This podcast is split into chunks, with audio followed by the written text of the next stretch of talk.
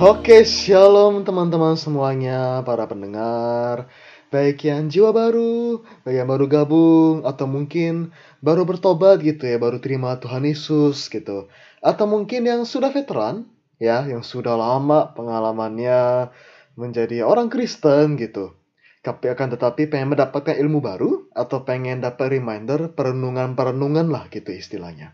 Selamat datang sekali lagi, siapa pun kalian itu. Em, podcast Youth Elin ini sebenarnya tercipta gitu ya atas inisiasi dari ketua youth kita yaitu Nathanael. Dan ini sangat bagus yaitu nantinya itu akan memperlengkapi kita semua mengenai esensi-esensi atau hal-hal terpenting di dalam kekristenan yang sebenarnya agak jarang dibahas di berbagai gereja karena sifatnya mendalam. Karena sifatnya itu tuh sesuatu yang saking basicnya orang nggak terlalu pikirin gitu, sekedar ngikut aja. Kayak contohnya adalah kenapa sih milih Kristen? Ya akan menjadi pembahasan kita yang pertama gitu kan. Kenapa pilih Kristen? Dan kemudian nanti kita juga bakalan ada ngomongin topik-topik lain gitu. Kenapa mesti gereja? Tentang berdoa kita juga kita juga nanti bahas tentang iman kita juga nanti bahas berbagai hal-hal lain yang sebenarnya sifatnya mendasar banget. Sifatnya itu adalah fondasi kekristenan banget. Nah, pertanyaannya adalah, kita pernah pikirin nggak gitu? Oke, jadi kalau misalnya Anda yang mendengarkan penasaran gitu, pengen tahu, lebih menggali ilmu lagi, mendapat hikmat lagi gitu ya, tentang kekristenan gitu, terutama yang sifatnya mendasar, kalian sudah berada di dalam podcast yang tepat. Oke, nah, sesuai janji, kayak tadi udah gua kasih teasernya gitu ya. Oh ya, by the way sedikit perkenalan ya, supaya nggak dikira tukang asuransi nyasar. Saya Erik Sucitra yang sekarang ini adalah Majelis Departemen Youth Elim, ya. Uh, ya istilahnya bisa dari posisi ya, ya bisa dibilang youth pastor, apalah. Tapi intinya adalah saya dipercayakan untuk membimbing kerohanian dari anak-anak Youth Elim. Oke, itulah kenapa senang juga sih dikasih kesempatan untuk bisa ngajar kayak gini. Meskipun memang digenjot dari ketua youth ya gitu. Tapi it's okay. Karena ini sesuatu yang penting. Oke. Nah, sesuai janji. Balik lagi kan, sesuai janji. Topik pertama, yaitu kita ngomongin soal kenapa sih milih Kristen gitu. Teman-teman pernah pikirin gak sih? Dari berbagai agama, kepercayaan gitu ya. Kenapa sih kita pilihnya itu agama Kristen? Kan ada Katolik, ya toh? kan ada mungkin agama-agama lain, kepercayaan-kepercayaan lain, dan bahkan juga ada banyak aliran gitu di dalam kekristenan gitu. Sampai saya sendiri pun kadang pusing dan nggak hafal sendiri saking baiknya.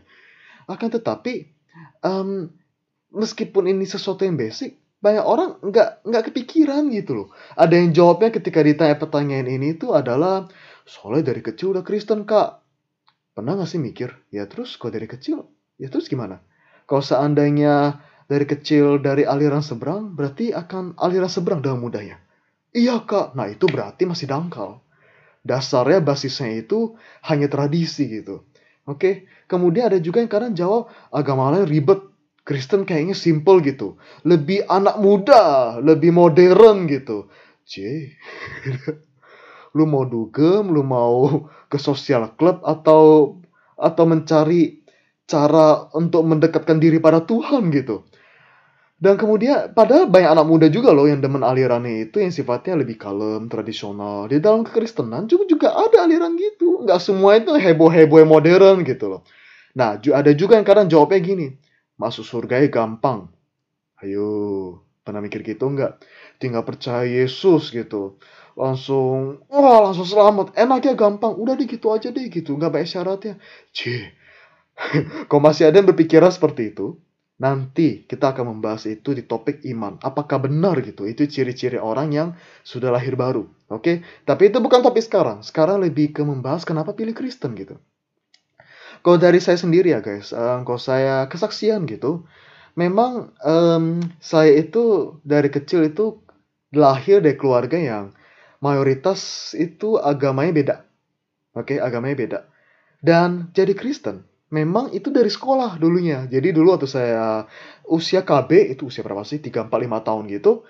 Pindah pindah kota dari Medan ke Jakarta yang merupakan saya yakin itu adalah keputusan keluarga yang dituntun oleh Tuhan juga sehingga masuklah sekolah Ramani gitu. Itu sekolah Kristen. Dan dari sanalah kenal Yesus pertama kali. Tahu nama Yesus pertama kali. Singkat cerita, dulunya itu sekedar kayak betah-betah karena ikut-ikutan aja. Karena kiri karena depan belakang sebagian besar Kristen ya udah gue ikut gitu loh. Karena ya doanya tiap pagi doa Kristen ibadah tiap minggunya agama Kristen ya udah ikut aja. Tapi belum terlalu paham gitu loh fondasinya belum kuat. Sehingga akhirnya uh, suatu ketika waktu gue SMP SMP 3 kok nggak salah gue ikut retret Oke, okay, ikut retret gitu. Itu retret SPK gue inget banget. Itu dari waktu itu dia ada yang secara umum sih. apa retret SPK Champion Gathering. Mungkin ada yang inget gitu ya. Gue ikut, dan itu gabung sama berbagai gereja. Di sanalah gue pertama kali bener-bener ngerasain kayak hadirat Tuhan secara konkret gitu. Damai banget. Ada ada sukacita, ada kedamaian yang beda banget yang gue nggak pernah rasakan dari mana pun di dunia ini gitu. Bukan kedamaian tidak didapatkan dari alat musik, musik kalem gitu, atau mungkin dari ketenangan sumber-sumber lainnya. Pokoknya beda gitu. Ini akhirnya saya tahu ini disisit, ini bener. Ini Tuhan yang gue mau sembah, ini Tuhan yang bener-bener yang bener gitu, yang pengen gue ikut. Ya akan gue ikut dan akan gue setia sampai selamanya. Karena beda gitu, pengalaman spiritual pribadi, perang pengalaman kerohanian pribadi. Nah tapi lucunya sebenarnya mungkin yang sudah Yud Elim lama atau yang sudah kenal saya lama tahu gitu. Kalau dulu gue pernah ateis bentar sebenarnya. Jadi iman gue pernah peot dikit gitu ya. Waktu gue S1 gue pernah gitu. Karena logika gue ngambil ahli banget. Tapi logikanya logika buta. Bener-bener bukannya logika yang luas gitu. Nanti kita juga bakalan bahas aspek itu. Tapi intinya adalah gue jadi ikut-ikutan dengan kata-kata orang ateis. Yang bilang orang beragama bodoh gitu kok percaya Tuhan yang agak kelihatan, yang agak kebukti lewat sains dan lain sebagainya. Pokoknya sosok ilmiah gitu. Dan dulu gue ikut gitu loh. Sempat ikut. Jadi gue tinggalin Tuhan waktu itu. Pernah beberapa bulan lama ya. Sehingga akhirnya satu titik gue nggak bisa pungkiri gitu. nggak bisa bohong ke diri sendiri. Terus dulu gue pengalaman yang ngalamin Tuhan, hadirat Tuhan tuh apa gitu. Pokoknya singkat cerita, yang kau dibahas sekarang itu bisa lama, tapi singkat cerita akhirnya gue cari Tuhan lagi. Dan bahkan sampai ada unsur gue kayak nantang Tuhan gitu. Bener-bener cari banget gitu. Tuhan kalau engkau ada nyatakan dirimu dan lain sebagainya. Singkatnya lagi akhirnya terjadilah berbagai rentetan pengalaman rohani yang gue dapet. Dan Tuhan selalu jawab dan Tuhan selalu buktikan gue salah. Gue salah banget. Dan akhirnya di saat itu juga setelah beberapa bulan gue tinggalin Tuhan lebih ikutin otak gitu ya. Atau lebih ikutin tadi logika yang sifatnya buta gitu ya. Akhirnya setelah itu gue memutuskan oke okay, Tuhan engkau betul-betul Tuhan yang berdaulat yang benar-benar berkuasa. Dan ternyata ya kan tadi tadi gue bilang gue tuh kayak sok-sok logika gitu. Tapi setelah gue berkecimpung dalam ilmu apologetika, kau yang mungkin nggak tahu gitu ya, itu cabang ilmu pengetahuan yang membela kekristenan. Oke, okay? pokoknya dari sudut pandang ilmiah, sudut pandang historical dan lain sebagainya. Akhirnya ternyata makin lama men, gue mendalami ilmu itu gitu, ilmu pengetahuan itu, dan makin gue cek Alkitab dan lain sebagainya, wisdom wisdom pelajaran hidup yang bisa didapatkan gitu. Gue cuma bisa ngucapin satu hal ini, ini betul-betul dari Tuhan. Ini benar-benar ilham dari Tuhan dan terdapat banyak bukti-bukti ilmiah sebenarnya yang secara logika jauh lebih logis untuk percaya Tuhan ada daripada kita percaya segala sesuatu yang terjadi dalam hidup kita itu kebetulan.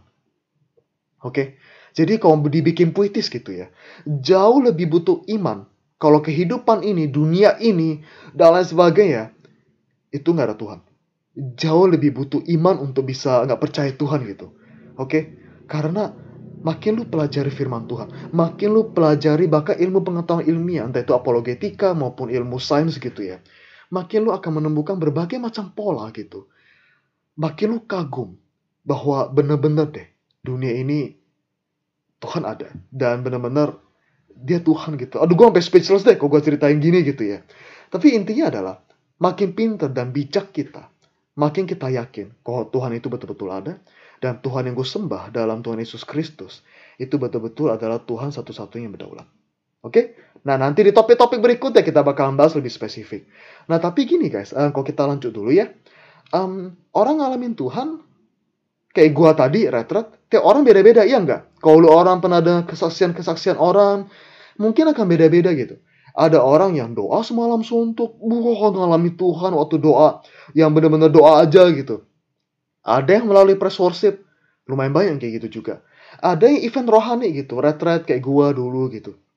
Tapi ada juga yang enggak, apa istilahnya, yang enggak ngeroh-ngeroh banget gitu pengalamannya. Lebih ke ngeliat kayak diberkati banget sama kesaksian hidup orang lain, sama perubahan hidup yang dialami oleh orang lain gitu. Ada juga, nah ini salah satu yang paling umum, yaitu mereka ngalamin Tuhan di dalam komunitas. Dari orang lain dulu. Ada yang bawa mereka percaya Tuhan. Oke? Dan lain sebagainya. Jarang deh orang percaya Tuhan sendiri gitu. Tahu-tahu kau bercandaan zaman dulunya, lagi jalan ke tengah jalan.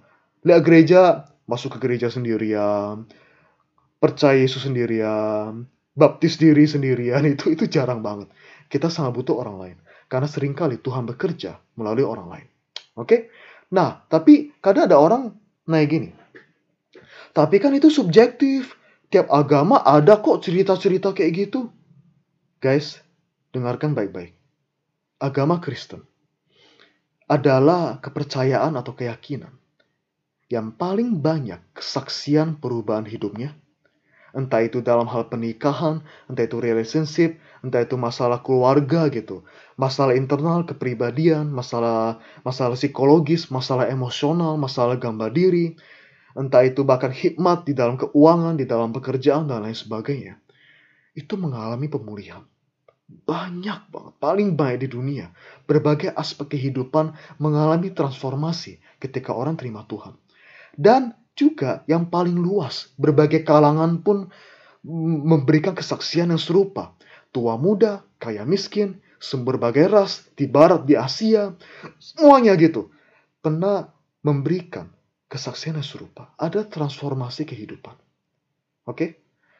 Tapi kan Kristen paling baik di dunia, wajar dong. J, suruh pandangnya jangan ke sana doang dong gitu. Adil dikit. Justru kalau kita lihat dari sudut pandang yang lain, karena pengalamannya, testimoninya, kesaksian yang sungguh mengubah kehidupan. Menjadikan banyak orang lain yang penasaran, dan akhirnya mereka mau ikut Tuhan. Dan akhirnya mereka ngalami sendiri juga. Dan orang-orang yang ngalami sendiri juga. Akhirnya apa? Mereka juga kesaksian. Dan akhirnya rantai itu terus berjalan. Dan makin banyak orang percaya Tuhan. Makanya makin meluas. Nah makanya semakin banyak orang percaya pada Tuhan. Karena ada bukti nyata ada transformasi yang terjadi. Oke teman-teman, guys, kalau misalnya ada di antara kalian gitu ya, kita semua yang sudah terima Tuhan, atau mungkin yang belum dan masih galau gitu. Hanya roh kudus yang bisa bikin kita bertobat, yang bisa kita bikin kita itu percaya kebenaran di dalam Yesus Kristus. Itu adalah 1 Korintus 2 ayat 10 sampai 11. Karena kepada kita Allah telah menyatakannya oleh roh Sebab roh menyelidiki segala sesuatu, bahkan hal-hal yang tersembunyi dalam diri Allah. Siapa gerangan di antara manusia yang tahu apa yang terdapat di dalam diri manusia selain roh manusia sendiri yang ada di dalam dia? Demikian pula lah, tidak ada orang yang tahu apa yang terdapat di dalam diri Allah selain roh Allah. Cuma roh Allah yang bisa melemah lembutkan hati kita untuk kita bisa merangkul gitu, mengadopsi kebenaran itu, kebenaran di dalam Tuhan, dan kita percaya, mengakui dengan mulut kita, percaya dalam hati dengan iman bahwa Tuhan adalah Tuhan Yesus adalah satu satu-satunya Tuhan dan juru selamat di dalam hidup. Oke, okay? kalau kalian udah pernah mengambil komitmen itu, itu artinya Roh Kudus sudah bekerja dan sudah ada dalam hatimu. Dan kok ada yang masih kayak bimbang, galau-galau, Coba deh, jangan jangan apa ya, keraskan hati, terima Tuhan. Yang paling pengen kita bahagia, kamu bahagia. Merasakan makna hidup yang dalam gitu. Sesuai dengan rancangan Tuhan yang semula. Itu Tuhan sendiri gitu. Oke? Saya pengen ngajak kita untuk closing intro kita ini. Saya pengen ngajak kita semua untuk doa yuk. Untuk kita doa terima Tuhan penerimaan berdoa membuka hati untuk terima Tuhan. Barang siapa yang sudah, mungkin boleh dengerin juga gitu ya, sekedar lebih ke reminder gitu untuk menguatkan iman kembali, atau mungkin yang belum percaya Yesus dengan sepenuh hati, dan kau mau gitu. Ikuti doa saya ya, oke? Okay? Atau dengarkan dalam hati dan dihayati doanya. Yuk kita doa bentar ya. Tuhan, terima kasih Tuhan, Engkau sudah berbicara mengenai podcast ini. Tuhan, aku dari dulu Tuhan mungkin hatinya sudah terketuk Tuhan. Sudah ada hasrat, keinginan, kerinduan untuk menerima kebenaran dalam hidup aku. Dan pada saat ini Tuhan, aku mengakui Engkau sebagai Tuhan, satu-satunya Tuhan Juru Selamat dan Mesias dalam kehidupan aku. Mengaku Tuhan, percaya dengan hati, menerima Engkau sebagai Raja yang berdaulat di dalam hidup aku dan yang dapat menyelamatkan hidupku, sehingga aku bisa bergabung di dalam keluarga Allah dan, dan menerima keselamatan di dalam Yesus Kristus. Masuklah dalam hatiku Tuhan Yesus. Jadilah Tuhan dan kuasalah hidupku. Aku milikmu, akulah ciptaanmu, dan kaulah Tuhan dan menciptaku. Datanglah kerajaanmu dan jadilah kehendakmu. Ini aku Tuhan, dan pakai aku di dalam nama Yesus. Amin. Kalau kalian mungkin ada yang yang akhirnya gitu ya mengambil keputusan untuk percaya Tuhan, saya cuma bisa bilang welcome, selamat datang di dalam keluarga Tuhan. Engkaulah saat engkaulah kalian sudah menjadi kakak dan adik di dalam Yesus Kristus, kakak adik rohani saya, dan kita semua di dalam Yud Elim, dan bahkan dari semua orang yang percaya di dalam Tuhan. Oke, kita sudah menjadi keluarga, dan itu nanti kita akan bahas lebih banyak di dalam topik ketika kita bahas tentang gereja. Oke teman-teman, percayalah menerima Tuhan.